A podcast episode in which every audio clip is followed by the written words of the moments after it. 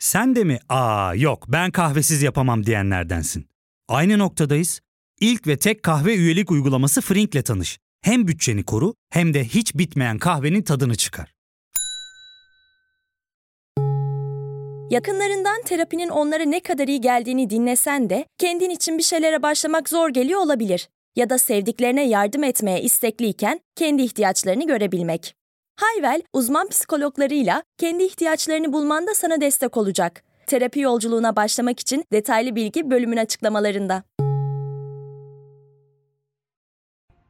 Trendspor'dan herkese merhabalar. Spor gündemi oldukça yoğun. Bu hafta sağ dışında konuşulmaya değer çok daha fazla şey oldu. Fenerbahçe ve Beşiktaş'ın erteleme maçları oynandı bu hafta ve her iki maçta iç sahadaydı. Taraftarı önündeydi Beşiktaş ve Fenerbahçe'nin ve taraftarları hükümeti istifaya davet etti. Bu konuda siyasilerden de hükümet kanadından da tepkiler var. Onları dirsek temasında oldukları bazı kulüplerde hemen desteklediler. Ayrıca Galatasaray'da Alanya Spor'la deplasmanda bir hazırlık maçı oynadı. O maçta da yeni transfer Zaniolo'nun golünü gördük. Tüm bunları konuşacağız. Ayrıca programın sonunda Malisel Işık'la birlikte de yeni sezon öncesi Formula 1'i derinlemesine konuşacağız. Oğulcan Akçe ile birlikteyiz. Hadi başlayalım.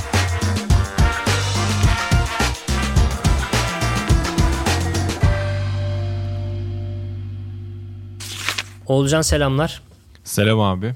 Önce tezahüratlarla başlayalım. Çünkü herhalde Gezi Parkı döneminden sonra ilk defa böyle bir şey yaşanıyor. Oldukça da tepki geldi siyasilerden de, hükümet kanadından da. İstersen önce tezahüratları dinleyelim Fenerbahçe ve Beşiktaş tribünlerindeki sonra devam edelim.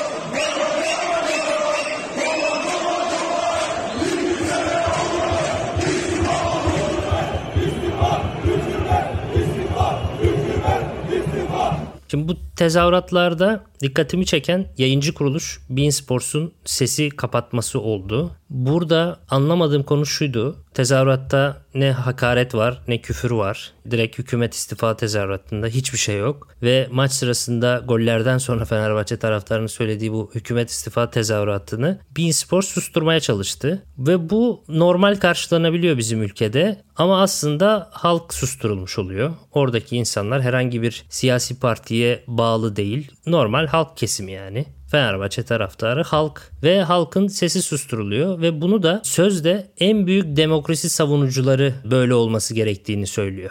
Yani bizde maalesef devlet adı arkasına saklanan yöneticiler kendilerini öyle bir kutsuyor. Devlet adıyla kutsuyor ve devlete karşı bir suç işleniyormuş algısı yaratarak aslında halkın sesini kesmeyi, halkı susturmayı normalleştirmeye çalışıyorlar. Bu açıdan bu günler çok trajik tabii. Artık gerçekle gerçeküstü birbirinden ayrılamaz hale geldi. Benim yorumum bu. Sana bırakayım sözü.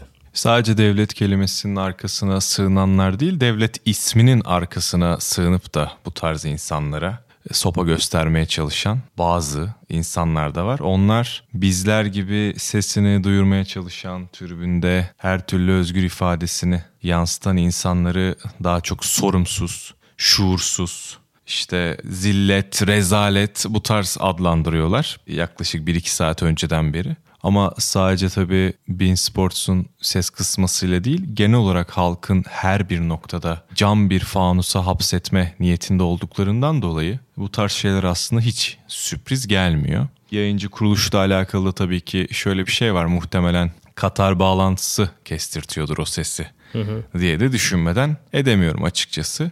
Zaten yeterince bir önceki programdan beri sahanın içine adapte olmakta olabildiğince fazla zorlanıyoruz. Ve bununla alakalı ciddi sıkıntılar yaşıyoruz ki bu süreçte düşünmemiz gereken çok daha farklı şeyler varken zaten insanların siniri, hayal kırıklıkları, korkuları birbirine karışmışken siyasilerin halkın damarına bu kadar basıyor olması ya şu bir gerçek abi. Sadece bir deprem olayı yüzünden yani deprem oldu diye iki günde toplam 70-80 bin kişinin bağırmasına yol açan şey deprem değil. Depremden sonra yaşadıklarımız ve her gün gördüklerimiz. Spor dünyasını da içerisine katan her şey.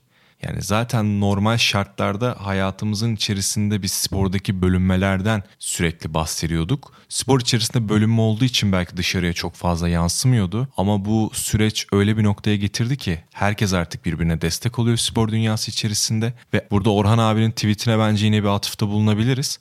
Ana sorun diğer fanatikler olduğundan dolayı bizim gerçekten fanatik sandığımız aslında taraftarlar birlik olduktan sonra esas hedefin neresi olduğu bence son iki gündür çok çok açık bir şekilde o noktanın ne olduğunu hep birlikte görüyoruz. Devlet Bahçeli Beşiktaş üyeliğinden de istifa etmiş. Keşke direkt Türkiye'nin siyasi noktasından, siyasilerin içerisinden de istifa etse de bir tık rahat etsek. Yani insanları diyorum ya can fanusa tıkmaya çalışıyorlar halkın bu gidişte muhtemelen futbol izlemesini de yasaklarlar. Amaç o zaten. Konsere gidem ee, Aynen konsere gidemiyorsun. Sokakta istediğin gibi yürüyemiyorsun. İstediğin hiçbir şeyi yapamıyorsun neredeyse. İşte abuk sabuk bir sürü yasak var işte. Muhtemelen yavaş yavaş futbolda gelecektir. Şaşırmayız çünkü. Evet yani bu kadar işte dedim ya gerçekle gerçeküstü karışıyor yani artık şaşırmıyorsun yani şaşırma refleksi olmuyor. Devlet Bahçeli öyle açıklamalar yaptı ki yani bence etrafında bir tane bile başkanım o kadar da yapmasak mı diyebilecek birini bırakmamış olmanın getirisi bunlar. Yani o kadar uçuk açıklamalar ki tweetler attı. Türkiye'miz son yüzyılın en büyük deprem felaketiyle mücadele halindeyken Fenerbahçe Konya Spor Futbol Müsabakası esnasında tribünlerden istifa sloganlarının atılması sorumsuzluk ve şuursuzluktur dedi. Bugün oynanacak Galatasaray Alanya Spor ve Beşiktaş Antalya Spor kulüpleri arasındaki müsabakalarda aynı şekilde istifa seslerinin yükselmesi halinde futbol kulüplerimizin oyuna geldiği tuzağa düştüğü de netleşmiş olacaktır diyor. Bütün kulüp başkanlarının müsabakaların ya seyircisiz ya da gerekli tedbirlerin alınarak oynanması hususunda acil ve gerekli adımları atmaları kaçınılmaz görevleridir. Milliyetçi Hareket Partisi konunun takipçisidir diyor. Yani ya bu şekilde tezahüratlar olmayacak bunun önüne geçecek yönetimler ya da bu tezahüratların önüne geçilmiyorsa taraftarlar futbol izleyemeyecek. Türk futbolunu zillet ve rezalete mahkum etmek isteyenlere göz yummak, alttan almak, sessiz durmak geldiğimiz şu aşamada mümkün değildir diyor son tweetinde de. Yani inanılmaz bir tweet. Bu son tweet var ya inanılmaz bir tweet. Yani bu kadar bizim senelerdir içerisinde bulunduğumuz ortamı bu kadar net gösteren başka hiçbir şey olamaz. O kadar rahatsız oluyorum ki ve şu an o kadar kelimelerimi seçmek zorundayım ki. Bu da kötü değil mi abi? Yani konuşacağım şeyi de şu an seçmek zorundayım. İstediğimi yazamam, istediğimi konuşamam. Bak aslında cam bir fanusun içindeyim burada konuşurken yani baktığında. Maalesef. İnanılmaz bir şey ya. Yani halk bizi eleştirmesin diye halkın futbol izlemesini yasaklayacağız diyor. Halkın sesini kıstırıyoruz Bein Sports'a, yayıncı kuruluşa sesini kıstırmamız yetmiyor. Çünkü spikerin mikrofonuna geliyor ses ve yine insanlar duyuyor. Büyük bir panik halindeler ve bu yüzden de halk bizi eleştirmesin diye halkın futbol izlemesini yasaklayacağız diyor. Bunu ben bu kadar çok da kolay da cüret de edebiliyorlar buraya. Çünkü dediğim gibi herhalde etrafındaki insanlar bir tane bile insan bırakmıyorlar. Başkanım acaba söylediğiniz mantıksız olabilir mi? Bu fikrimiz yanlış olabilir mi? diyebilecek bir kişi bile bırakmıyorlar. O bir kişi bile kalmadığında zaten gerçekten kopma konusunda insanoğlunun hiçbir sınırı kalmıyor. Uçabiliyor da uçabiliyor yani. Hiç fikirler böyle futbolu yasaklamaya kadar gidebiliyor. Ve dediğin gibi Beşiktaş üyeliğinden de ayrılmış Devlet Bahçeli. O konuda da Uğur Karakullukçu'nun güzel bir tweet'i var. Depremden sonra 10 gün boyunca ortada göremediğimiz Devlet Bahçeli 10 dakikada Beşiktaş'ın üyeliğinden ayrıldı demiş. İyi bari aksiyon alabiliyor. güzel. Beğendim. Onun dışında tabii bazı kulüpler hükümetle, siyasetle çok iç içe, kol kolalar. Tabii hükümet spora siyaseti karıştırmayın diyor ama kulüplerin her yerine istediği gibi karışabiliyor. O kulüplerden mesela Kayseri Spor Başkanı, yeni başkanı Ali Çamlı eski bir AK Parti milletvekili aday adayıymış. Bunu Sokrates'ten Onur Erdem'in tweetinden öğrendim ben de. Ve Kayseri Spor Kulübü ilk açıklamayı yapan kulüp oldu. Şöyle diyorlar. Kayseri Spor Kulübü ve Kayseri Spor camiası sonuna kadar devletinin ve milletinin yanındadır. İçinde olduğumuz şu felaket günlerim bakın yani ilk kelime devlet oluyor dikkat edin. İçinde olduğumuz şu felaket günlerinde milletimizin acısını yürekten paylaşırken bu acıyı vesile yaparak tribünlerde yapılmaya çalışılan kirli siyasetin ve zilletin muhteşem kelime farkında olduğumuzu ve bunu kınadığımızı kamuoyunun bilgisine sunarız bu zillet kelimesi çalışılmış bir kelime. Neredeyse hepsinde görüyoruz. Devlet Bahçeli 10 dakikada Beşiktaş'tan istifa edip 10 dakikada Kayseri Spor'un şeyi olmuş gibi bu açıklamada. Sen ya onun sosyal medyadaki bir yazmış gibi abi yani notlarımız içerisinde ben de eklemiş olayım. Tabii ki çok beklediğim bir yerden de açıklama geldi bu arada Kayseri Spor dışında. Konya Spor'dan da bir açıklama geldi. Evet. Selçuklu Darül Mülkü Konya, Büyük Konya Spor Camiası ve taraftarı dün bugün ve yarın daima devletimizin yanındadır diye. Ülkemizin içinde bulunduğu bu zor günler depremzede kardeşlerimizin yaralarını saran devletimizin ve milletimizin acısını, acısı bilen 85 milyon Büyük Türkiye ailesinin tarafındayız. Yaz gününde yaz tutmak yerine çirkin bir siyasete payanda olanları en şiddetli şekilde kınadığımızı tarih ve millet huzurunda beyan ederiz diye Konya Spor'da böyle bir dil kullanmış. 85 milyon ailesinin tarafındayız diyor ama bu 85 milyonun muhtemelen yarısı türbünde bağıranların sesi olmaya aday insanlar. Aslında kendi içerisinde çelişen bir başka açıklama diyebiliriz. Ama beklediğim bir açıklamaydı bu arada.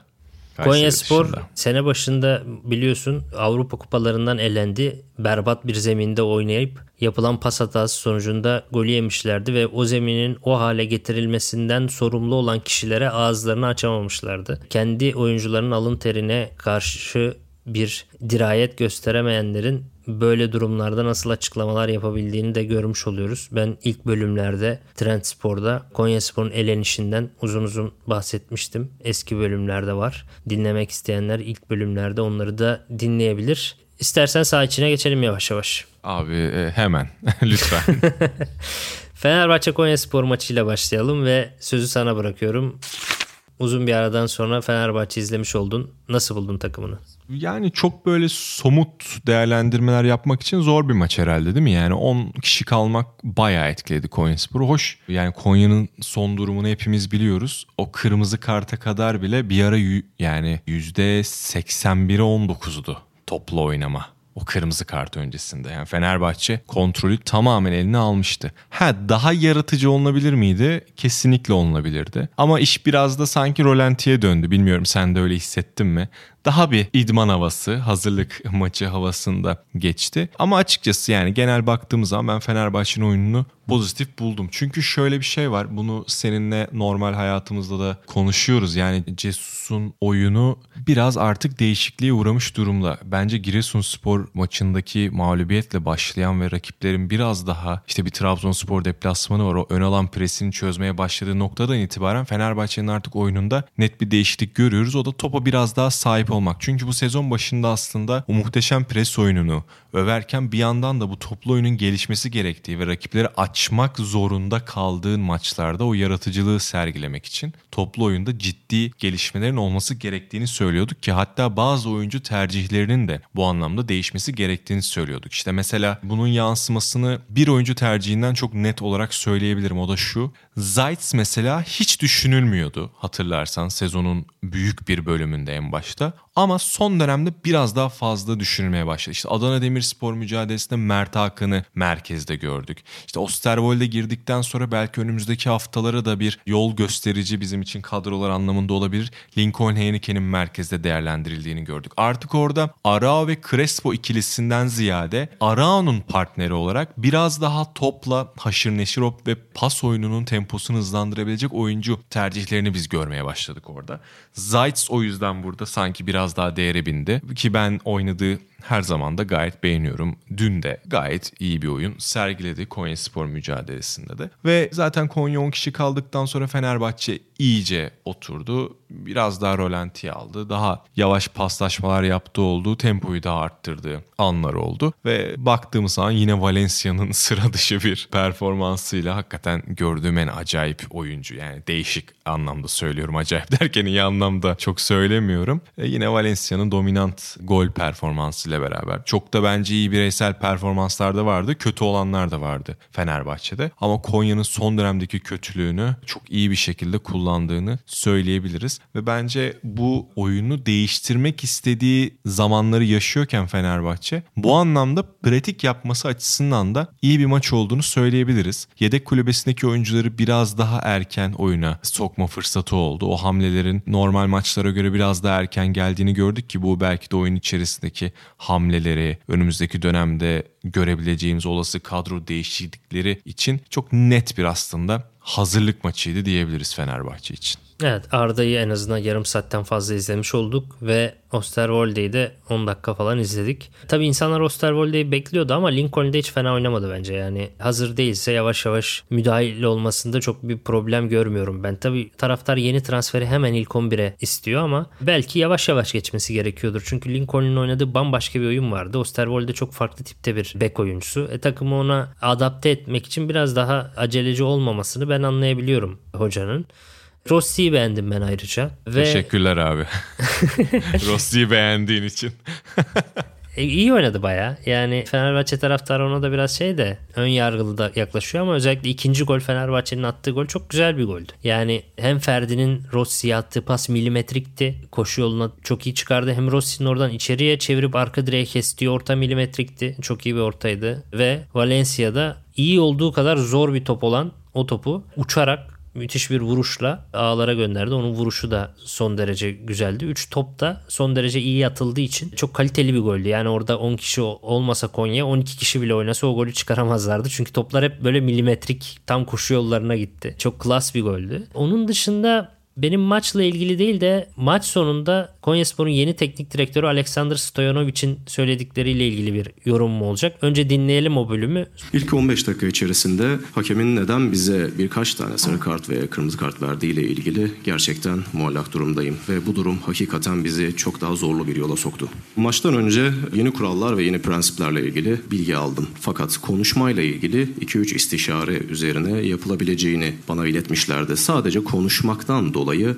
aldığımız bu kartlar, aldığımız bu durumlar gerçekten bizi maçın başında çok yaraladı. Çok fazla tempomuzu düşürdü. Bakıyorsun pozisyonlara 3. dakikada Calvo ayağına basıyor Ferdi'nin sarı kart. 11. dakikadaki penaltı penaltı zaten. Diouf gereksiz itiraz ediyor penaltı pozisyonuna. E, o da sarı kart. 16. dakikada Ahmet Oğuz faal yapıyor. Çok gereksiz bir itiraz yapıyor. O da sarı kart. 21'de Diouf Arao'nun ağzına dirseği vuruyor. E, o da sarı kart. Bütün sarı kartlar doğru. Bunu sadece Konya'ya da çıkarmıyor. Çünkü 8. dakikada Arao da rakibinin ayağına basıyor. Arao da, da çıkarıyor. Yani Halil Umut Meler 20 dakikada 5 tane sarı kart çıkarmış. Ama hep 5'i de doğru. Ve burada Konyaspor'un yeni teknik direktörünün kendi oyuncularını eleştirmek yerine hakemi eleştirmesi de konforlu bir alan maalesef. Şimdi biz de podcast'te neredeyse ben her bölümde hakem değinmek zorunda kalıyorum. Hakemlerimiz iyi diye demiyorum bunu. Hakemler de kötü. Ama şu maçtan sonra gidip de hakem eleştirmek Konya sporlu oyuncuları şımartmaktan başka hiçbir işe yaramaz. Ve öz eleştiriden yoksunluk olur bu. Tamamen bir konfor alanına sığınmak olur bence. Ve buradan hakem eleştirisi yapmanın çok yanlış olduğunu düşünüyorum. Ayrıca ben Beşiktaş'ın geçmiş teknik direktörü Valerian İsmail'in Türkiye'de yaptığı en doğru açıklamaların bu disiplin üzerine yaptığı açıklamalar olduğunu düşünüyorum. Ben çünkü Premier Lig'de az da olsa izliyoruz. Avrupa futbolunu, İtalya'yı, İngiltere'yi, Fransa'yı, Almanya'yı neyse. İzlediğim maçlarda Türkiye Ligi ile arasında gördüğüm en bariz farklılık disiplin farkı oluyor. Yani sanki bizimkileri, bizim futbolcuları zorla oynatıyormuşsun gibi sanki babasının takımıymış gibi, sanki para vermiyormuşsun gibi. Dingo'nun ağrı gibi davranıyorlar. Sürekli bir itirazdan kart görme görüyorum bizim takımlarımızda. Cezalı duruma düşebiliyorlar ve bunu yapan adam Mame Diouf 35 yaşında. Bu adamın 11 senesi sadece Premier Lig ve Bundesliga, Manchester United dahil içinde. Yani adam en üst düzey ligimizdeki en üst düzey tecrübelerden bir tanesi. Ve bu adam bile bu kadar ucuz sarı kart görüp takımını bu kadar erken bir şekilde yalnız bırakabiliyorsa bunu Almanya'da İngiltere'de öğrenmemiş olma ihtimali yok bu disiplin standardını. Sana gelince disiplinsiz hale geliyorsa demek ki sende bir problem var. O problem de bu oyunculara Türkiye'de paralarını doğru düzgün ödeyemiyorsun işte. Birkaç ay geciktiriyorsun falan. O zaman oyuncular da kendi kafasına göre davrandığı zaman ceza da veremiyorsun. Valerian İsmail diyordu ki nasıl futbolcu gol attığında, iyi oynadığında, galibiyet aldığında prim alıyorsa, para kazanıyorsa takımını yalnız bıraktığında, takım arkadaşlarını sattığında da haksız, mantıksız, gereksiz sarı kart görüp cezalı duruma düştüğünde de bu adamlar ceza yemeli diyordu. Ve belki biraz da o yüzden de kendi de koltuğunda çok duramadı. İyi bir performans göstermedi Beşiktaş'ın başında ama kendi de benzer sorunları yaşadı, disiplin sorunlarını. Ve bence Türkiye'deki en doğru açıklaması bu disiplin konusundaki açıklamasıydı ve Konyaspor bu maçı başlamadan kaybetti bu disiplinsizlik yüzünden. Ve hocalarının da çıkıp bu konudan sonra gidip de hakem eleştirmesi son derece hatalıydı bence. Onu söyleyeceğim. Maçla ilgili bence en çarpıcı nokta buydu bana göre. Bu arada hakem konuşmak gerekiyorsa da 4-0 diye hiç şey yapmaya gerek yok. Maç içerisinde Calvo'nun da Ahmet Oğuz'un da atılması gerekiyordu bu arada. Dün Bünyamin Gezer de bunu söyledi. Fırat Aydınus da bunu söyledi. İrfan Can'ın bir penaltı pozisyonu var izlenmesine rağmen verilmeyen mesela. Orada Ahmet Oğuz aşil kısmından kramponuna basıyor. Yani ikinci sarı kart olup kırmızıdan atılması gerekiyordu. Calvo'nun da içerisinde bulunduğu yine bir penaltı pozisyonu var ki zaten sadece dünkü maç özelinde değil Calvo'nun tarzı olarak bence her maç muhtemelen iki sarıdan atılması gereken bir oyuncu. Çünkü inanılmaz gaddar. Yani özellikle bir oyuncuya taç çizgisine doğru gidiyorsa mutlaka orada tekmeleyerek sahanın dışına attığı çok pozisyon var. Dün Ferdi ve Rossi iki kere mesela bunu yaptı o penaltı pozisyonu dışında. Yine ve yine kendimize göre değerlendiriyoruz yani. İşte Konya Spor cephesi kendine göre değerlendiriyor. İlk 15 dakikaya anlam veremiyor ama işte aslında atılması gereken oyuncularına anlam verebiliyor. Yani bu da farklı. Dediğin gibi aslında hem konfor hem de en güvenli liman orası olduğu için bir aydır burada olan yabancı bir teknik direktör bile Türk futbol ikliminin güvenli alanının neresi olduğunu çok iyi bilerek bunu kullanmaya çalışıyor. Ama Konya'ya baktığında sahada oyuna dair en ufak bir şey yok. Muhtemelen Altay'ın Fenerbahçe kariyerindeki de en rahat maç olmuştur yani. Var mı başka maçla ilgili söylemek istediğin? Yok abi dediğim gibi yani çok böyle saha içinde bizim değerlendirebileceğimiz bir şey olduğunu sanmıyorum. İşte Fenerbahçe'deki öne çıkan bireysel performansları gördük. şey hoşuma gitti. Dün tabii Georges kenarda yoktu. Joao de Deus Fenerbahçe taraftarının kenardaki tavırları çok hoşuna gitmiş ki kendi Arteta'mızı yarattık be. İşte artık hocam gitse de problem olmaz. Deus'umuz var falan diye tweetler atmışlar. O benim hoşuma gitti. Ben de bir yardımcı hocaya göre performansını gayet iyi buldum. Hoş kulağında kulaklık vardı bilmiyorum yukarıdan gerekli talimatları alıyor muydu ama böyle de bence güzel bir en azından enstantane olarak, görüntü olarak bunu söyleyebiliriz. Ayrıca dünle beraber Osterwolde'ye de bir değinmek isterim. Tabii 10 dakikadan kimse bir şey anlayamaz. Ama benim incelediğim ve inceledikten sonra da gerçekten çok hayran kaldığım Parma dönemi olmasa Twente dönemine hakim olduğum bir oyuncuyu Fenerbahçe forması altında görmek gerçekten iyi hissettirdi. O patlayıcılığını birkaç pozisyonda da gösterdikten sonra yine sosyal medyadaki yorumlar ve yansımalar da çok hoşuma gitti açıkçası Osterwolde ile alakalı. Muhtemelen formayı aldıktan sonra da bırakmayacaktır diye düşünüyorum. Beşiktaş Antalya Spor'a geçelim o zaman. Fenerbahçe'yi tebrik ederek ve Fenerbahçe'nin Galatasaray ile arasındaki puan farkını 6'ya indirdiğini de söyleyelim.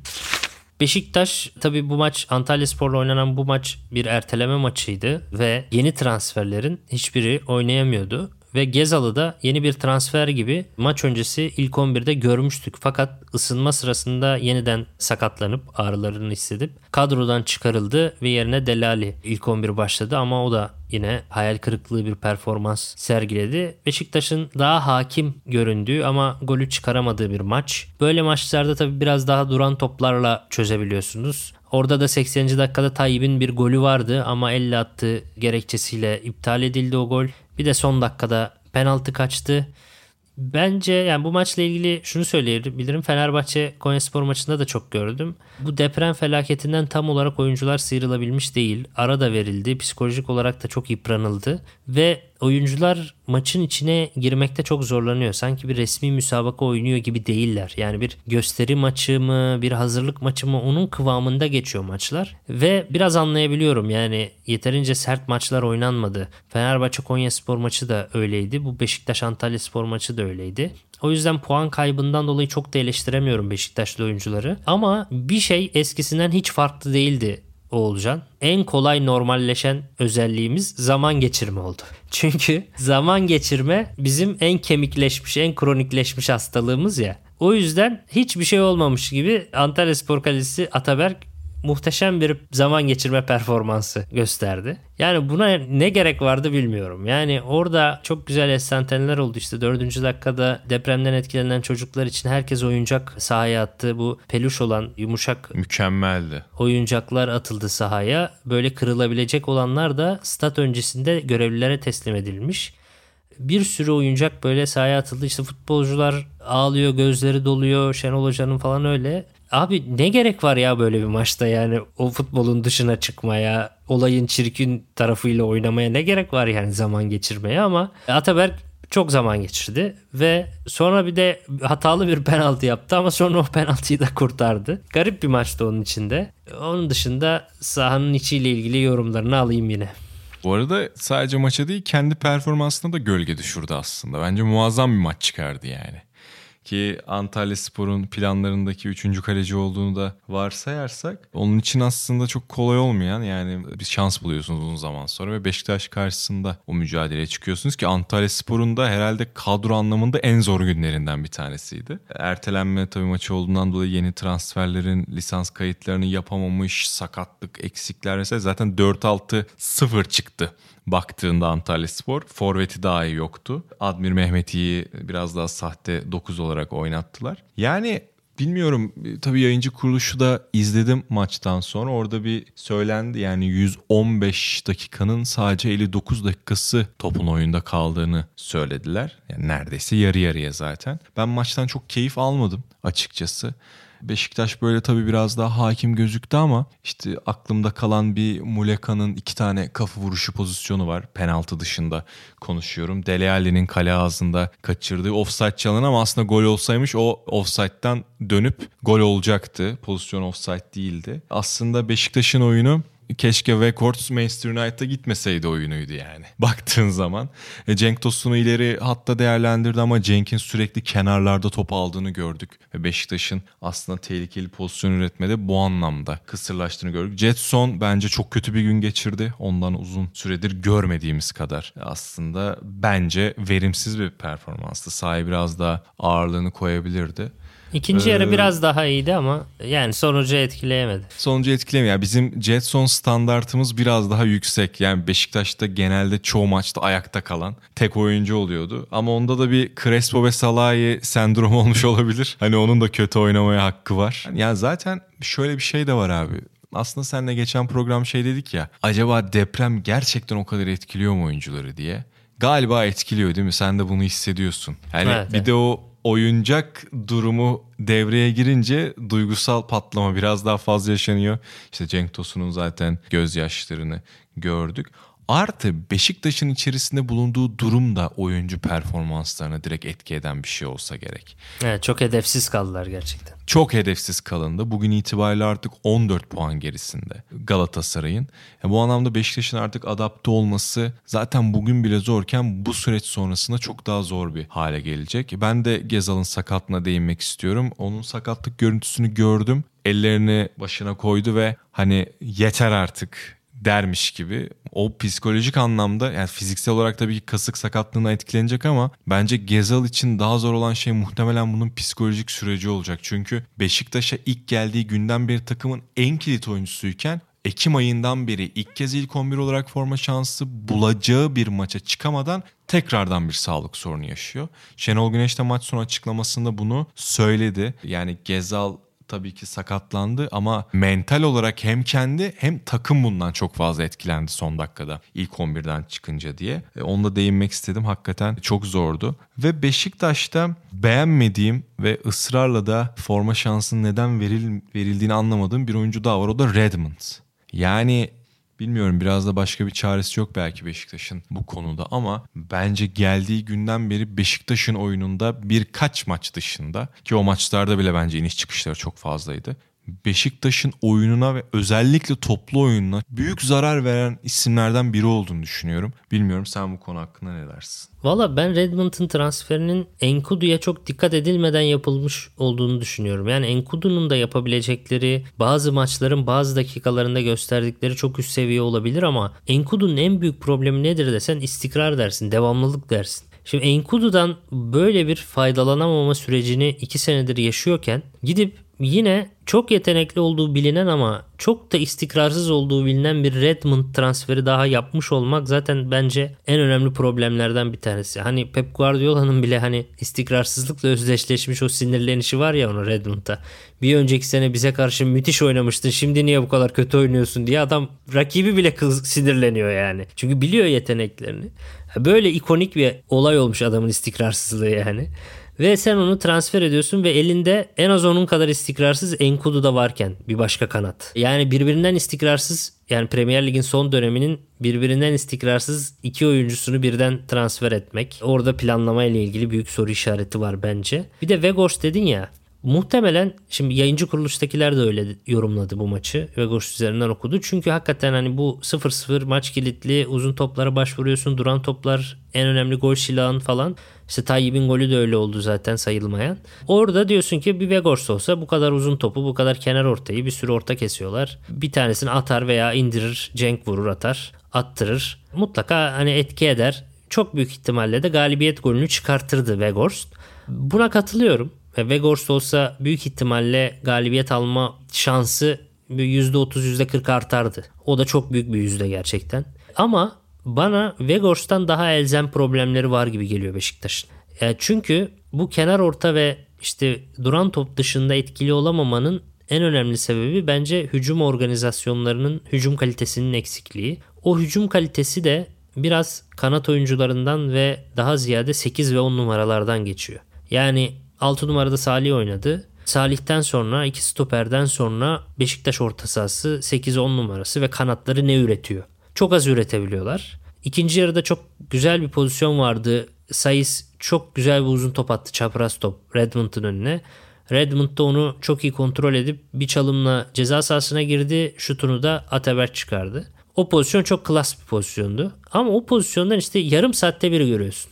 Yani atak devamlılığı hiç olmuyor. Böyle hep saman alevi gibi performans Redmond'ın. Yani hem maçtan maça istikrarsız hem maç içinde de yoğunluğu çok zayıf. O yüzden işte tabii şimdi Amir Adzamatovic oynayamıyor bu maçta. Maxim oynayamıyor. Merkezde daha yaratıcı, daha kaliteli top atıcılar geldiği zaman daha etkili olabilir. Gezal o kanada kenar oyununa katıldığı zaman daha etkili olabilirler belki. Ama bana esas kalite eksikliği orta sahalar ve kanatlardaki zafiyetten doğuyormuş gibi geliyor açıkçası. Ben orta saha tespitine çok fazla katılıyorum. Bunu sezon içerisinde de çok fazla kez aslında konuşma fırsatı bulmuştuk zaten. Evet Jetson işte e, ikili mücadelelerde enerji anlamında size bir şeyler katıyor. Salih geriden oyun kurmada en azından toplu oyununuza bir tık hala ondan beklenen seviyede olmasa da ki bence sezona çok iyi girmişti bu arada. Bir şeyler katabiliyor ama skor anlamında bir ağırlık koyamıyordu Beşiktaş'ın merkezi. Ben o yüzden Maxim transferini biraz daha önemli buluyorum.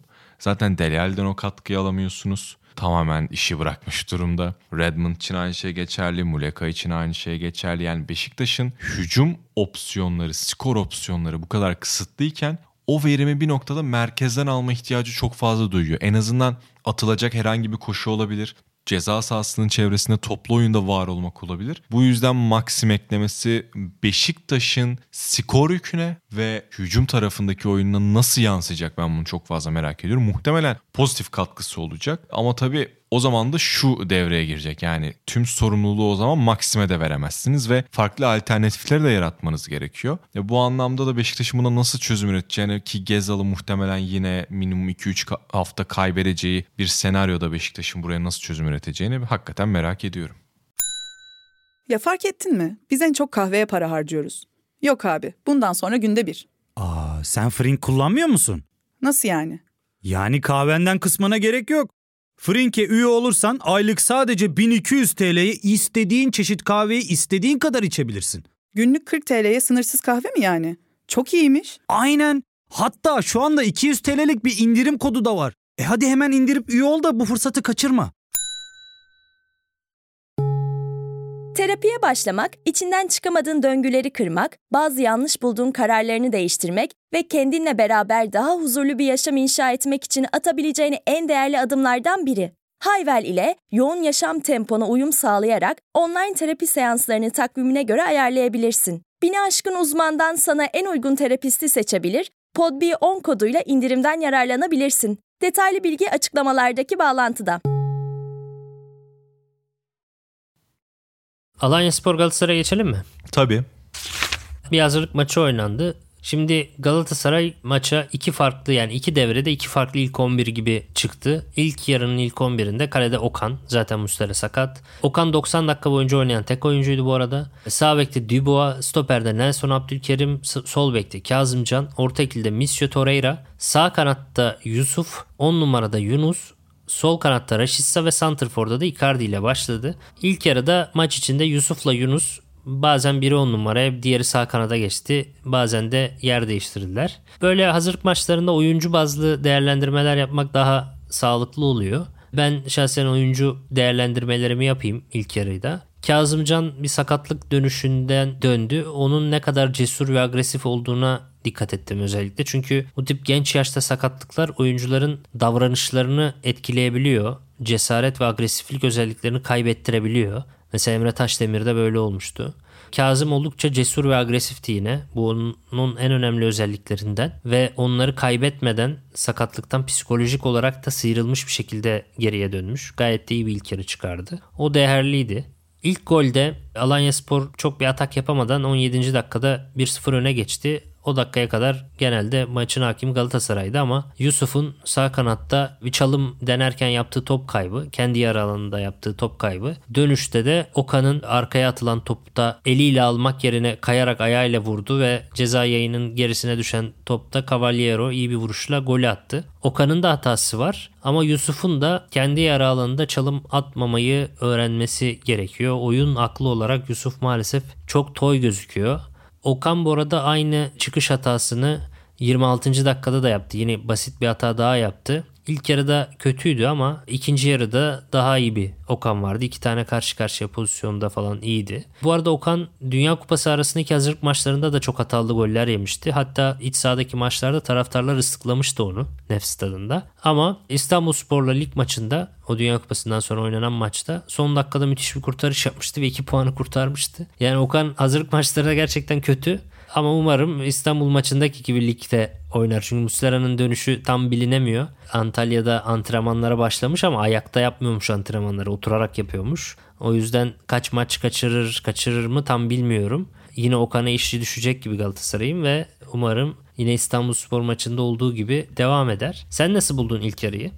İlk yarıyı yani aslında Galatasaray'ın Alanya Spor'a göre daha ağır bastığını tabii ki söyleyebiliriz ama ne kadar Galatasaray dominant bir oyun sergiledi orada soru işaretlerim var tabii ki. Yani ilk yarı benim için tamamen şöyle geçti. Yani sanki Alanya Spor'u geriden oyun kurma takısında her an bir hata yapacakmış da kalesinde golü görecekmiş gibi. Çok fazla Galatasaray'ın da aslında resmi maçlardaki baskısını, o temposunu yapabilseydi muhtemelen yine Alanya Spor'u ilk yarıdan üçlük dörtlük yapabileceği müsait anları da çok fazla gördük bence. Ben Torreira Torreira'yı çok beğendim bugün. Zaten çok istikrarlı bir şekilde o performansına devam ediyor. Kazımcan'la alakalı söylediğin şeyi ben şöyle destekleyebilirim. Bugünkü performansına çünkü özellikle dikkat ettim. Sen cesur olmasından ve agresif olmasından bahsettin. Bence bunu sergilediği karşısındaki oyuncunun da ligin en cesur ve agresif sağ açıklarından biri olduğunu söyleyebiliriz herhalde Efecan'ın. Bu anlamda ona karşı bu tarz bir performans sergiliyor olması bence Kazımcan'ın değerini bu özellikleri özelinde bir tık daha yukarıya taşıyan ana unsur. Okan Kocuk her zaman olduğu gibi yani hataya daha meyilli bir oyun sergiledi. Hatta ikinci pozisyonda da Nelson onun arkasını biraz kurtardı diye söyleyebiliriz. Tabii ister istemez herkes gibi benim de gözüm yine Yusuf Demir'in üzerindeydi. Yusuf sürekli böyle ayağına geldiğinde bir şeyler yapmasını beklediğin hatta istediğin onun yeteneklerini izlemek istediğin bir oyuncu. Ama sorunu ne bilmiyorum şans bulduğu hiçbir anda bence bugüne kadar bugün de dahil olmak üzere öyle çok yüksek şeyler vaat eden bir performans göstermedi ki ben genelde sosyal medyanın nabzını tutmayı severim. Maç içerisinde Galatasaray taraftarının yorumlarını da okumaya çalıştım. Herkes en erken şekilde kiralık gitmesini uygun görüyor gibi duruyor. Yani Galatasaray kadrosunun içerisinde hele ki Zanyolo da geldikten sonra ve Yusuf Demir'in bu yabancı statüsü de değişmedikçe muhtemelen Galatasaray'da forma şansının çok çok az olduğunu söylesek herhalde yanılmış olmayız. Yunus'u bugün 10 numara görünce Orhan abi aklıma geldi. Yunus'un bu mevkide kotarması gerektiğini, belki de kariyerine yeni bir yön vermesi gerektiğini söylüyordu. Galatasaray'ın Raşitsa'nın bonservisini alma girişimlerinden sonra işte belki bir buçuk yıl tutabilirse bundan sonra ama onun hedefinin bir on numara olarak Mertens gibi 35 yaşında olan bir oyuncudan sonra belki 10 numarayı almak olmalı. Bu yönde çalışmalı dedikten sonra bugün 10 numara performansını izleme fırsatı bulduk.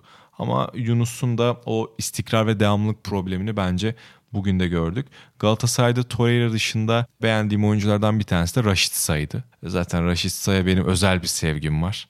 Vedat Muriç'in Fenerbahçe'de oynadığı dönemden beri keşke aklını Chelsea Fenerbahçe'ye getirse diye düşündüğüm oyunculardan biriydi. Werder Bremen zamanlarından itibaren. Bence Galatasaray'da forma şansı bulduğu ilk günden beri de gayet faydalı performans. Her şeyden önce çok istekli abi ve oyunu ben çok iyi bildiğini düşünüyorum. Bu anlamda o dinamizmi ona çok büyük artılar katıyor. Ve Galatasaray'ın hücumlarında da çok fazla artı kattığını gördük ki gol de zaten onun ayağından geldi. İkinci yarıda şöyle bir şey var. Tabii Galatasaray skora biraz daha rahat gidebildi. Ama Alanya Spor'un kalitesi ne kadar üst düzeydi belki bunu tartışabiliriz. Yani Galatasaray'ın ikinci yarıda sonuca gitmesi benim için çok sürpriz olmadı. Çünkü yani baktığın zaman yedekten giren oyuncular Sergio Oliveira oluyor. İşte Gomis oluyor. Zaniolo girdi. Yine kaliteli. Galatasaray'ın kalitesi neredeyse aynı seviyede kalırken Alanya Spor'un kalitesi düştü. Kadro kalitesi farkı evet. Kadro kalitesi farkı bir de Farioli'nin oynatmak istediği bir oyun var ve bu oyunu oynayabilmek için kaliteli oyunculara ihtiyacınız var. Belki de bugün aslında yol ayrımını getiren şey de Farioli'nin bu takıntısı. Yani Guardiola da bunu söylüyor. Sen sürekli mesela Guardiola'dan örnekler verirsin. Ben de bir tanesini vereyim. Yani bu oyunu oynamak için biz bu paraları harcıyoruz diyor. Bu oyunu herkesle oynayamıyorsun. İşte ya Prime Barcelona ile oynayabiliyorsun ya da savunma hattına bile 250 milyon euro harcadığın oyuncularla oynayabiliyorsun. Ama Farioli bunu gidip Fatih Aksoy'la oynamaya çalışıyor. İşte Efkan'la oynamaya çalışıyor. Balkovets'le oynamaya çalışıyor. Kenardan gelen oyuncuların kalitesi daha kötü yine bu oyunu oynamaya çalışıyor. E böyle olduğu zaman da karşınızda Galatasaray varsa bu sonuca mahkumsunuz. Aslında her defasında bu mesajı özellikle büyük takımlara karşı oynarken Farioli sürekli aldı. Ama bugün ikinci yarıda da herhalde onu yolun sonuna getiren şey de bu oyundu. Bu arada ben Alanya Spor'la alakalı bir şey eklemek istiyorum. Kayseri Spor ve Konya Spor'un açıklamalarından bahsetmiştik. Biz bu programı çekerken Alanya Spor açıklaması da geldi. Onu da eklemiş olayım. O da şaşırtmadı. Evet aynen öyle. Yani beklenir şeyler bunlar. Bu arada Yusuf demişken Yusuf'la ilgili ben de tweet atmıştım. Yusuf'la ilgili bence en şey e, sıkıntılı durumlardan bir tanesi çok genç yaşta Barcelona'nın ona çok güvenmesi olmuş olabilir. Çünkü oyuncu şu anda kiralık gitmeyi düşünmüyor alt liglere de gitmeyi düşünmüyor. Prosedürden dolayı aynı lig seviyesinde 3. bir takıma gidemiyor. Bir alt lige gitmesi lazım. Yusuf da oraya gitmek istemiyor ama yedek kulübesinde kalması onun gelişimi için daha kötü bir durum. Ama ben Barcelona'da oynamış adamın moduna giriyor bence. Bir ara Barcelona yeni Malatya Spor gibi davrandı. Onu birazdan açık açacağım. Şöyle Barcelona'da sağ kanatta sol ayaklı ne kadar çalım atmayı bilen genç yetenek varsa transfer etmeye çalıştı. Belki bir tane daha Messi buluruz diye. Hatırlarsan o zaman Münir El Haddadi falan vardı. İşte Yus- Yusuf'u falan da aldılar. Bir sürü genç yetenek denediler orada. Belki bir tanesi daha Messi çıkar diye. Tabii ki Messi çıkmadı. yani çünkü Messi gerçekten milyon, milyonda bir olabilecek bir şey. Ve yeni Malatya Spor da şöyle yapmıştı. Yusuf Endiyeşmi'ye çıkınca bütün Burundili futbolcuları transfer etmişti. Herhalde Yusuf Endiyeşmi gibi başka adamlar da vardır diye. Yusuf da yani Endiyeşmi'ye de Burundi'de milyonda bir çıkan bir çocuktu. İki denemede fiyaskoyla sonuçlandı. Hem yeni Malatya Spor yönetiminin denemesi hem de Barcelona'nın. Bu bence Yusuf'u da belki çok hızlı bir şekilde yükseltti ve oradan düşüş de tabii ki çıktığın yerden düşüş de daha yıpratıcı olabilir. Yusuf da Yunus da bugünkü oyunda zaman zaman aynı Redmond'a söylediğim gibi zaman zaman etkili oldular ama devamlılık yoktu. Ve bu genelde çok oluyor. Yunus'un ilk 11 başladığı maçlardaki en büyük eksikliği bence. Oyun içi devamlılığı. Ve Raşitsa'yı çok beğendiğini söyledin ya. Raşitsa'nın bence onlardan en önemli farkı da devamlılığının daha yüksek olması işte. Raşitsa'nın yeteneği, dar alan yeteneği Yunus'un daha altında olabilir. Yusuf'un da aynı şekilde. Hem Yunus'tan hem Yusuf'tan daha az yetenekli olabilir ama çok daha devamlı bir oyuncu. Ve ilk yarıda ilk golü de Raşitsa attı. 1-1 berabere gitti Galatasaray. Bu arada bu maçta dikkat çeken konulardan bir tanesi de şuydu. Hem ilk yarıda hem ikinci yarıda tecrübeli ve kaliteli futbolcular biraz daha fazla rölantide oynadı. Özellikle Gomis. Gomis zaten hazırlık maçlarında oynadığıyla resmi maçlarda oynadığı arasında çok büyük bir fark oluyor. Yani hazırlık maçında hiç hareket etmiyor. Lig maçında biraz daha hareket edebiliyor.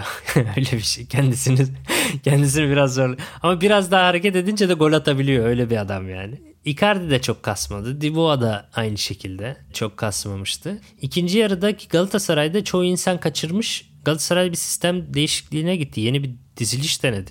3-4-2-1'e döndü Galatasaray ikinci yarıda ve üçlü savunmanın sağ stoperi Sasha Boy oldu. Ama bol bol da hücuma çıktığı için insanların çok anlayamamasını anlıyorum. Sağ stoper olsa bile böyle sağ bek gibi devamlı bindirdi zaten. Çok seviyor bindirmeyi. Merkez stoper Kaan, sol stoper de Emin oldu. Adekukbe dörtlünün solunda, Barış Alper de dörtlünün sağında kanat beki oldular. Ortada Oliveira Berkan, ileride de 2 on numara gibi Mata ve Kerem ve ileride de Gomis şeklinde yaptı. İkinci yarıda Galatasaray çok daha bitirici oldu çok daha üstündü ve Barış Alper de maçın en iyisiydi. Hem mükemmel bir ikinci gol attı hem de üçüncü golde asisti de yaptı. Bir gol bir asistle hazırlık maçını en istekli oynayan kişiydi. Barış Alper'in bu özelliğini ben çok seviyorum. Çünkü geçen sene de Dinamo Kiev ile oynanan bir hazırlık maçı vardı. Ukrayna'daki savaş nedeniyle Dinamo Kiev birçok takımla hazırlık maçı yapmıştı ve orada da Barış Alper'in yine mükemmel bir ceza sahası dışı golü vardı. Bu maçtaki golü de mükemmel. Yine bu senenin ilk devresinde İstanbulspor'la bir hazırlık maçı oynanmıştı. O maçta da yine Barış Alper çok etkiliydi. Golünü atmıştı. iyi oynamıştı. Hazırlık maçlarında kendini göstermek için elinden geleni yapıyor. Bu oldukça iyi bir durum. Ve Adekuk Bey için insanlar şey dedi işte yeni transfer ya hiç savunmaya dönmüyor hep ileride. Biraz o dörtlünün kenarı gibi Adekukbe de hücuma çıkmayı çok seviyor. Ama dönüşleri biraz sıkıntılı zaten. Bekte oynarken de öyleydi. Herhalde biraz hazırlık maçı diyedir çok da dikkat de etmedi. Hani Barış Alper'in savunma yardımı da Adekukbe'den daha iyiydi yani o pozisyonu oynama konusunda deneyimsiz olmasına rağmen. Onun dışında Oliveira oyuna girdikten sonra bence kalitesini çok net ortaya koydu.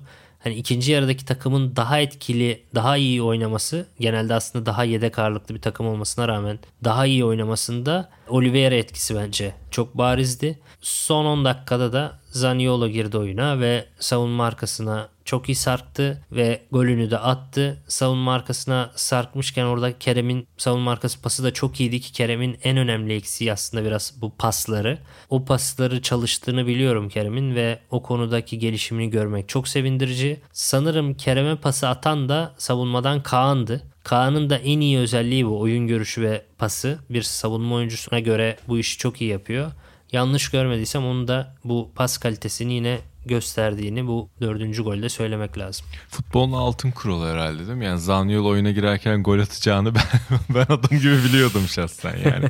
Hiç şaşmıyor ya. Yeni transfer böyle son 10 dakika girecek de golünü atacak. Abi hatırlıyor musun bilmiyorum. Eski açıkta yine aranızdan birinin kademesine girmiştim. Erinç, Erinç abinin kademesine girdiğimde size Kerem'le şeyi sormuştum. Acaba bu Kaan Ayhan transferinden sonra yani daha adı geçiyordu o dönemde. Okan Hoca'nın bir sistem değişikliği arada deneyebileceği maçlar olur mu ve bu sürekli hali alır mı diye.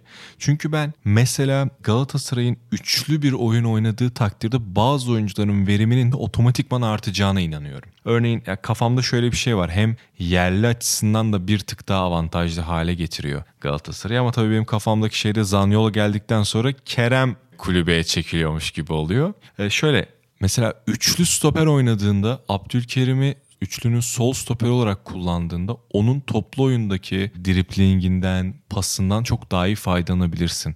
Kaan Ayhan'ın stoper özellikleri çok belli. Sağ stoper olarak oynadığında ondan gerekli verimi alabilirsin. Nelson bence savunma liderliğiyle tam üçlünün ortasında oynayabilecek olan oyuncu. Sasha Boy zaten o 100 metrelik kulvarın her bir metresini kullanmayı çok seven bir oyuncu ki üçlü oynadığın zaman onu bir tık daha ön tarafa atıp konfor alanını biraz daha ön tarafa doğru kaydırabilirsin. Kazımcan bence bunun için çok uygun bir profil. E Sergio Oliveira'yı 2-8'den biri olarak normalde belki temposuzluğundan ötürü değerlendirmezsin ama partneri Torreira olursa çok rahat bir şekilde bu ikili tandemi oturtabilirsin. Ve bu üçlü oynadığında iki tane kenarın genelde çok saf kanat oyuncusu değil içeri doğru kat etmeyi seven 10 numara profili de olabilir. Kanat favorit oyuncusu da olabilir. Sağ tarafta Zaniolo, solda Mertens ve ileride Icardi'li bence muazzam bir üçlü yani tam bir 3-4-3 takımı olabilir Galatasaray diye düşünüyorum ve ben Okan Hoca'nın saydığım kadroyu belki bazen Kerem'i de tabii o denkleme dahil ederek kesinlikle ve kesinlikle ma- birkaç maçta kullanacağını düşünüyorum. Ve hakikaten profil profil baktığımda da aşırı uygun bir kadrosu var Galatasaray'ın bence. Eyvallah. Ağzına sağlık Olcan. Şimdi Formula 1'e çok kısa bir süre kaldı. Yaklaşık bir hafta. Bu hafta sonunda yarışlar başlıyor ve sevgili Malisel Işık'la Formula 1'i konuşacağız. Kendisi Esport'un yarış spikerlerinden ve aynı zamanda Digital Racing YouTube kanalında yorumcularından. Daha önce de konuk etmiştik kendisini. Şimdi onunla konuşalım biraz. Selamlar Mali, hoş geldin tekrar. Hoş bulduk. Nasıl keyifler? Teşekkür ederiz. Sen nasılsın? İyi ne olsun artık sezonun başlangıç haftasına girdik. Bu haftanın sonunda ilk yarışı izleme fırsatımız olacak. Hatta cuma günden itibaren sezon başladı diyeceğiz. Bahreyn'de ilk yarış ve geçtiğimiz hafta testler yapıldı. O testlerde öne çıkan pilot ve takımlar nelerdi? Onu sorarak başlayalım. Yani en çok bahsedilen, en çok övülen ya da en çok ya bunlar inanılmaz atırım, atılım yaptılar denen takım Aston Martin gibi görünüyor. E şimdi tabii bir taraftan testlerle ilgili ne olacağına karar vermek ya da testlerden çok net bir şeyler çıkarmak mümkün değil. Yani testlerde bir hafta sonrasının sıralamasını çıkartamıyoruz ama araçların dışarıdan ne kadar rahat kullanıldığına dair bir takım gözlemler. Ne kadar sorunsuzlar, ne kadar farklı arka kanatlar, ön kanatlar denediler. Pilotlar nasıl görünüyorlar, rahatlar mı işte, endişeliler mi? Biraz oralardan çıkarım yapılabiliyor. Çok net, somut tur zamanlarına bakarak bu hızlı, bu yavaş denebilecek durum çok olmuyor. Yakıt yükünü de bilmiyoruz tabii araçların ne kadar yakıt taşıdıklarını. E ama yani genellikle zaten geçtiğimiz yıllardaki gelişmelerden dolayı Red Bull'da Adrian Newey baş tasarımcı büyük efsane. Onun öğrencisi onun belki de takımı devredeceği isimdi Dan Fallows ve onu Red Bull'dan transfer etmişti Aston Martin. Onun tamamen başında olduğu yani araç üretilirken, tasarlanırken tamamen başında olduğu ilk otomobil Aston Martin'in bu yılki otomobili. O yüzden beklentiler yüksekti. Üstüne bir de Fernando Alonso'nun tabii takıma geliyor olması onlar için bir motive edici güç oldu. Testlerde şöyle bir dezavantajı vardı aslında Aston Martin'in. Lance Stroll bir bisiklet kazası geçirdiği için bileklerinde problem var ve onun yerine takımın yedek pilotu Formula 2 şampiyonu Felipe Drugovich tur attı. Ne olursa olsun çok daha tecrübeli bir pilot olarak Lance Stroll da olsaydı daha güçlü bir test geçirebilirlerdi. Ama gerçekten herkes Aston Martin'in en büyük atılımı yaptığını söylüyor. Yani ikinci sıraya dahi koyanlar var. Onu ben abartı buluyorum biraz. Mercedes'le kapışabilir sezonun başında diyenler var. Onu bekleyip görmek lazım. Belki mümkün. Ama ilk üç dışında geriye kalanların en iyisi garanti olacak gibi duruyor en azından sezonun başında Aston Martin. Alpine biraz elini sakladı. Onların testte gösterdikleri performans çok net bir tablo çizmiyor diye düşünüyorum. Hafta sonunu beklemek gerekiyor.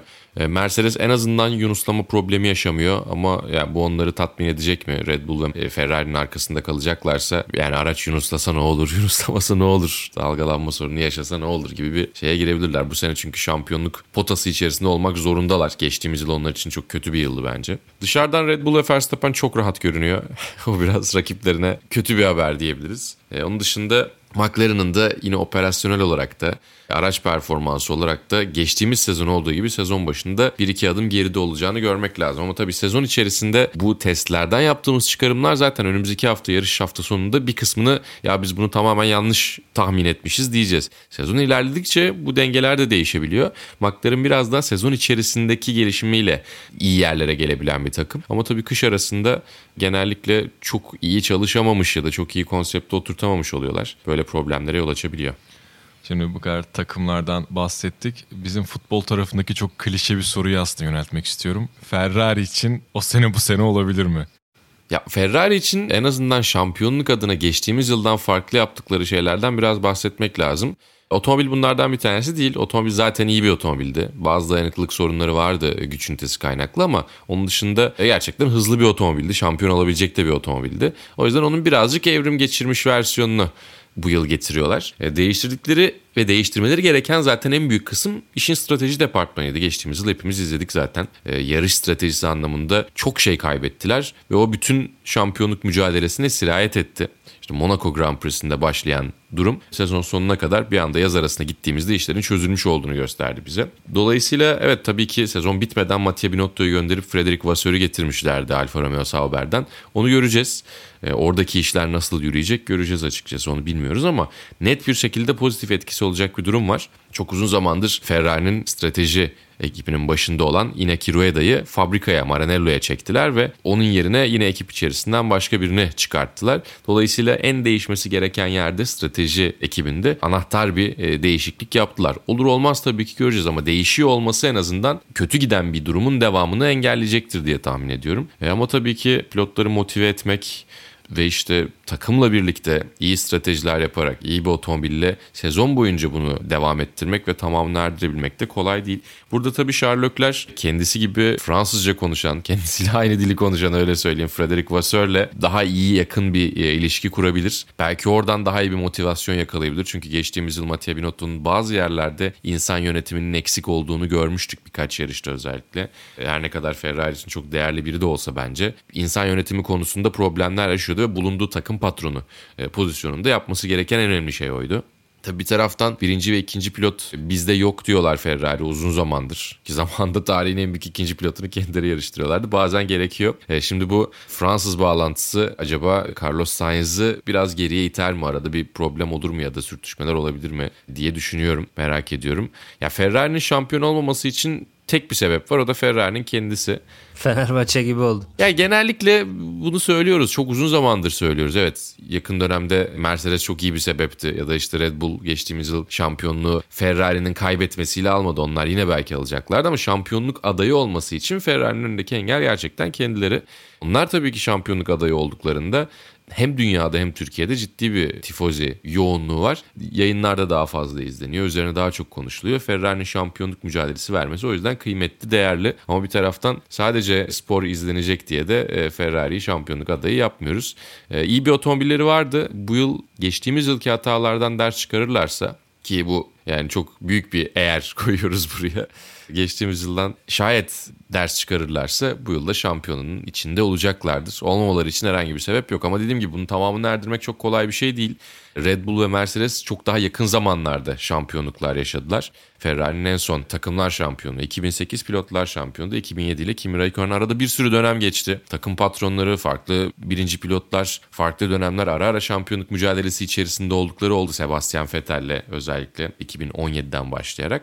Ama yani çok uzun zamandır e, biriken bir şampiyonluk hasreti var. Onu gidermek kolay değil ama ellerinde bence e, yeterli malzemeler var. Sinan abi aklımı okudum bu arada az önce. Mali hani Ferrari yerine Fenerbahçe, otomobil yerine futbol topu dese gerçekten Fenerbahçe'den bahsediyor diye düşünürdüm. İnanılmaz bir şey yani. Ama şampiyonluk olarak bakıldığında o kadar büyük bir hasreti yok galiba değil mi Fenerbahçe'nin? Ne zaman oldu? Ben yılı da 2014. 2014 ama 2008 dedin o civarlarda da Fenerbahçe'nin en son Şampiyonlar Ligi'nde oynadığı yıllardı. O yüzden yine bir yerden Hmm, tutturabiliyoruz anladım. yani. Avrupa başarısıyla gibi. Evet, Anladım. aynen öyle. Olabilir.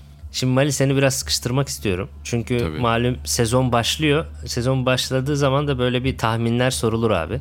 Tabii tabii, tabii. Ee, geçen seneki gibi böyle çok rahat bir sezon mu geçer yoksa daha çekişmeli, daha eğlenceli bir sezon izler miyiz? Şampiyonluk favorin, sürpriz yapacak takım ve pilot favorin onları da bir alalım senden. Ya ben tabii ki işin içerisinde olan biri olarak çekişmeli geçmesini tercih ederim. Yani yaz arasına gittiğimizde ya bir dakika sezon bitmiş deyip sonradan fark etmek çok iyi değildi. Yani kimse çünkü o aradan dönmemişti. Sonra e, Binotto'nun işte kalan 9 yarışı kazanmamamız için hiçbir sebep yok deyip hiçbir yarışı kazanmamaları e, gerçekten işleri pek kolaylaştırmamıştı. Ya Red Bull çok iyi bir otomobile sahip. Çok iyi bir pilota sahip Max Verstappen'le. O yüzden dayanıklı oldukları sürece onlar tabii ki son şampiyonlar olarak favori olacaklar. Yeni dönemde yeni kurallarla onlar en iyi paketi ortaya koymuşlardı ve onun devamını getiriyorlar. E, ama çekişmeli bir sezon olmasını umarım. Mercedes o potaya katılır mı emin değilim gerçekten. Onlar yine üçüncü takım gibi görünüyorlar. Umarım katılırlar. Üçlü bir şampiyonluk mücadelesi olur. Aston Martin'in bu sezonun en sürpriz takımı olacağını tahmin ediyoruz ama şimdi testlerde az önce bahsettim o kadar çok arkasında bir beklenti oluştu ki Aston Martin'in başarılı olması 2-3 gündür sürpriz olmayabilir. Beklenti oraya getirdi. Ama tabii Fernando Alonso elindeki otomobilden her zaman %100'ü veya çok yakınını çıkartabilen bir pilot olduğu için sezon içerisinde bir Alonso galibiyeti bence çok sürpriz ve çok güzel bir hikaye olur. Düzenli olarak da podyumlara çıkabilecek durumda olurlarsa eğer Aston Martin güzel puanlar toplayabilir. E, sezonun sürpriz pilotu olarak baktığımızda ben Nick de Vries'i ön plana koyabilirim. Çünkü Zaten çok iyi bir pilottu. McLaren'ın genç sürücü programında bir süre yer alıyordu 2013-14 civarında. Sonrasında Formula 2 şampiyonu oldu. Ardından Formula 1'de kendine koltuk bulamayıp Formula E'ye gitti. Mercedes de orada Formula E dünya şampiyonu oldu. Bir FIA dünya şampiyonu olarak buraya geliyor. E, geçtiğimiz yıl Alex Albon'un apandisi patladığı için yerine Monza'da yarışıp Kanadalı Nicholas Latifi'nin sezon boyunca yapmakta çok zorlandığı şey girip bir yarışta yapıp puan almıştı. Zaten çok yetenekli. Şimdi Alfa Tauri'de de önünde ciddi bir yol açılıyor. E, Sergio Perez beklerini veremezse o Alfa Tauri'de iyi bir performans sergilerse bir anda kendini Max Verstappen'in vatandaşının yanında yarışırken bulabilir. O yüzden bu yıl kendini ciddi anlamda kanıtlama yılı olacak. Otomobil iyi mi tabii onu bilmiyoruz ama e, Nick De Vries bence sezonun en e, sürpriz performanslarını sergileyecek bir isim olabilir. Ayrıca tabii ki Oscar Piastri'yi bekliyoruz. Şok bir şekilde Alpine'de yarışması beklenirken Alpine bunun açıklamasını yapmışken kendisi Alpine'i reddetti ve McLaren'a gitti. E, onun ne yapacağını merak ediyorum ama çok o da beklentilerin çok yüksek olduğu bir pilot. F3'ü F2'yi çaylak sezonunda kazanarak geldi buraya. Bir senede kenarda bekledi. E, ama tabii ki o beklentileri karşılayabilecek bir otomobil olur mu olmaz mı bilmiyorum. Ama izlemeyi çok merak ettiğim isimlerden bir tanesi. Ne yapacağını çok merak ettiğim isimlerden birisi de Oscar Piastri. Bence Drive to Survive'da sormadan bırakmayalım Mali'yi. Son olarak da öyle şey yapalım. Şimdi Drive to Survive ilk çıktığında insanlara F1 yarışlarını takip edemeseler bile bence o branşın kendi içerisindeki kültürünü gayet iyi bir şekilde aşılıyordu ama sezonlar ilerledikçe hani insanlar o sporun parçası olduğunu hissetmeye başladığı andan itibaren sanki bu bölümlerin ve ana konunun yetersizliklerini fark etti ve eleştiri sesleri de artmaya başladı gibi gözlemliyoruz en azından. Hem böyle senden Mali 5. sezona hem de genel olarak böyle Drive to Survive hakkındaki yorumlarını da açıkçası dinlemek isterim. Bence Drive to Survive zaten misyonunu çoktan tamamladı. bu seri devam etmesinin anlamında söylemiyorum bunu ama Formula 1'e yeni seyirciler, çoğunlukla da Amerikan seyirciler, işte kadın erkek ayırmaksızın daha böyle çeşitli seyirciler. Çünkü Formula 1'in seyirci profilini de biraz çeşitlendirmekte faydası oldu Drive to Survive'ın. Aynı zamanda da bir ara bırakanlar varsa ki bu çok kullanılan bir tabirdir abi. Mika Hakinen'den sonra bıraktım sonra geri döndüm kısmını şimdi Drive to Survive özelinde duyuyorum. Yani aslında görev birazcık buydu bir sezon review'u değildi zaten. Ama bir taraftan da çok iyi sezonları olduğunda ya bunu da nasıl koymazsınız insan diyor. Beklentimiz olmasa da. O yüzden çekişmeli geçmeyen sezonlarda iyi sezon yapıyorlar. Geçtiğimiz yıl e, inanılmaz çekişmeli bir sezon olmadı maalesef. E, o yüzden bence Drive Survive'da yine iyi iş çıkarmışlar. E, bu sefer çünkü şey olmuyor mutlaka konması gereken anlarla e, oturmuyorsunuz ekranın karşısına. E, öyle olunca da arka plan görüntülerinden kendinize güzel bir şeyler çıkartıyorsunuz. Tabii değinmedikleri çok şey var. Suudi Arabistan'da pistin 10 kilometre uzağına düşen roketten tabii ki bahsedemiyorlar. Çünkü Formula 1 çok kötü göründü orada. Ya da işte Japonya'da e, araçlar hala pistteyken ters yönde giren aracı kaldırmak için giren çekici araçtan tabii ki bahsetmiyorlar. Ama yani Drive to Survive işi misyonuna göre baktığımızda bize yine güzel karakterler, güzel hikayeler. E, hatta bazı yerlere çok güzel bağladıkları olmuş benim hoşuma gitti. Güzel ikilikleri o şeyleri güzel yakalamışlar. 8 bölüm izledim 2 bölümüm kaldı. Ee, o yüzden yani Drive to Survive dediğim gibi sezonun ne kadar dolu hikayelerle olduğuna bağlı olarak bence performansı değişiyor. Çünkü çok iyi sezonlarda da çok boş bıraktıkları oldu. 2020'de Hamilton bölümü yapmadılar mesela ki yani 7. şampiyonluk. Onun da önemli bir kısmı Türkiye'de geçecekti. Biraz oradan bağlamak istiyorum. Türkiye'yi çok az göstermişlerdi. Hadi neyse 2020-21 Covid kısıtlamaları nedeniyle belki yeterince ekipman ve ekip elemanı yoktu diye düşünüyorum. Ama eldeki sezonlar heyecanlı olduğu zaman e, mutlaka bir şeyler eksik oluyor. Koymadıkları detaylar oluyor.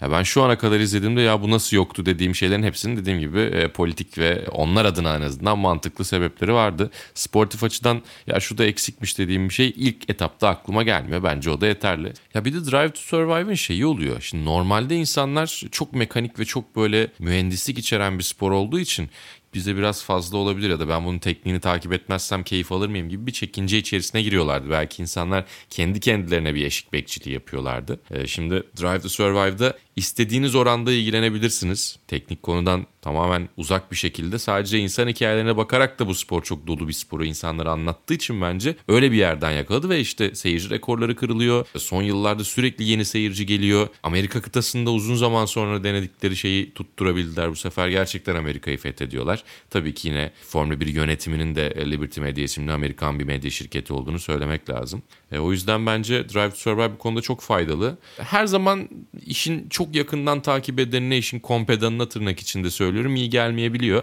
Ama beklentileri düzgün ayarladığınız sürece bence her zaman keyifli bir seyirlik. Bir de tabii testlerle birlikte şöyle bir yeni sezon başlıyor havası oluyor. Hep bir hafta önce vizyona giriyor, yayına giriyor. Öyle olduğu için de biraz işin geleneği haline neredeyse geldi. Ee, geçtiğimiz yıllarda biraz daha fazla eleştirmiştim eksik kısımlar var diye. Belki o yüzden beklentiyi düşürmüş olabilirim üst üste kötü sezonlar gelince ya da işte ortalamanın altı sezonlar gelince. Ee, bu sefer dediğim gibi şimdiye kadar epey beğendim. Ben ilk iki sezon izlemiştim. Şimdi bu kaydı bir bitirelim de ondan sonra belli ki tamamlamak gerekiyor yani.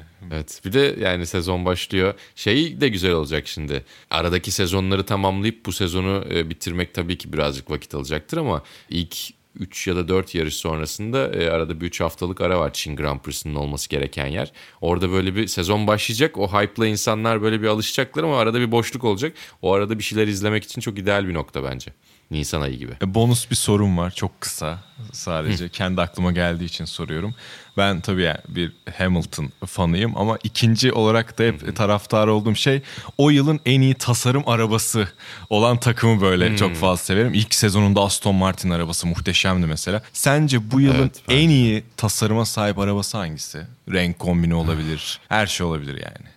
Bunu uzun uzun sevgili Barkın Kızıl'la Digital Racing'deki e, videomuzda konuştuk.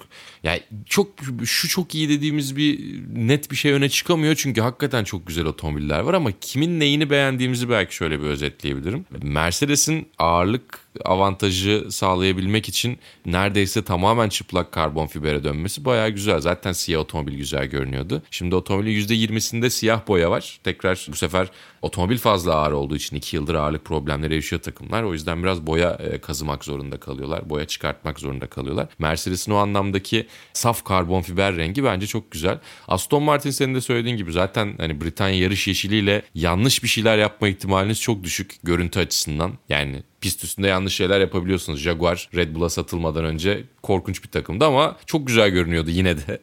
E, Aston Martin o yüzden kesinlikle tepelere yazabiliriz.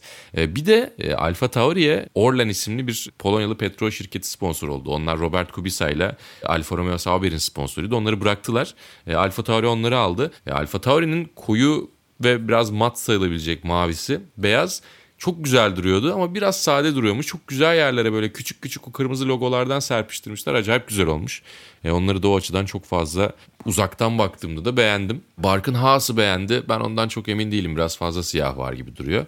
Bir de tabii şey lazım. E, sezon başladıktan sonra pistte araçları görmek lazım. Testlerde birazcık yakaladık ama tanıtımda çok iyi olup testlerde ya da işte piste çıktığında biraz sönük kalabiliyor. Özellikle o rengi tutturmakta Aston Martin çok zorlanıyor. Ne kadar parlak yapalım diye. Koyu bir yeşil olduğu için. E, ama ilk düşüncede aklıma gelenler yani yeni bir şey deneyenler ya da yenilik olanlar içerisinde yoksa işte Red Bull'la Ferrari her zaman güzeller e, bu renklerle. Mercedes'in siyaha dönüşü yeni bir şeyler dedik gerçi ama Aston Martin yeni değil. Aynı şekilde devam ama çok güzel bir şekilde devam ediyorlar. Bir de e, dediğim gibi Orlen sponsorluğuyla e, Alfa Tauri güzel bir seviyeye gelmiş görünüyor. Mali ağzına sağlık. Teşekkür, teşekkür ederiz. Ederim. Ben teşekkür ederim beni davet ettiğiniz için. Ne demek? Şöyle bir yarışlar başlasın, biraz kızışsın. Seni tekrar Barkın'ı veya seni tekrar Keyifli. konuk etmek isteriz. Görüşürüz. Mali'ye de teşekkür ederiz. Bu hafta oldukça yoğun geçti. Hem tribünlerin tepkileri, deprem sonrası normale dönüş sürecinin sancıları, doğal sancıları demek lazım. Hem sağ için konuştuk hem sağ dışındaki olayları konuştuk ve son olarak da Mali ile Formula 1 sezon başlangıcı öncesi genel bir değerlendirme yapmış olduk. Dinlediğiniz için çok teşekkür ediyoruz. Gelecek hafta yine karşınızda olacağız. Hoşçakalın.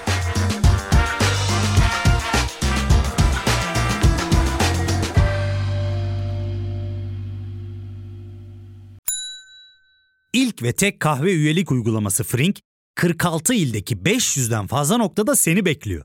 Açıklamadaki kodu girerek sana özel 200 TL'lik indirimden faydalanmayı unutma. Hadi sen de Frink üyeliğini başlat, kahven hiç bitmesin. Hem bugününe hem yarınına katacaklarıyla terapi yolculuğuna ve daha iyi hissetmeye bugün Hayvel ile başla. Açıklamadaki linkten Hayvel'i indir, ücretsiz tanışma görüşmelerinin ardından bütçene uygun seans paketini seç ve terapi yolculuğuna başla.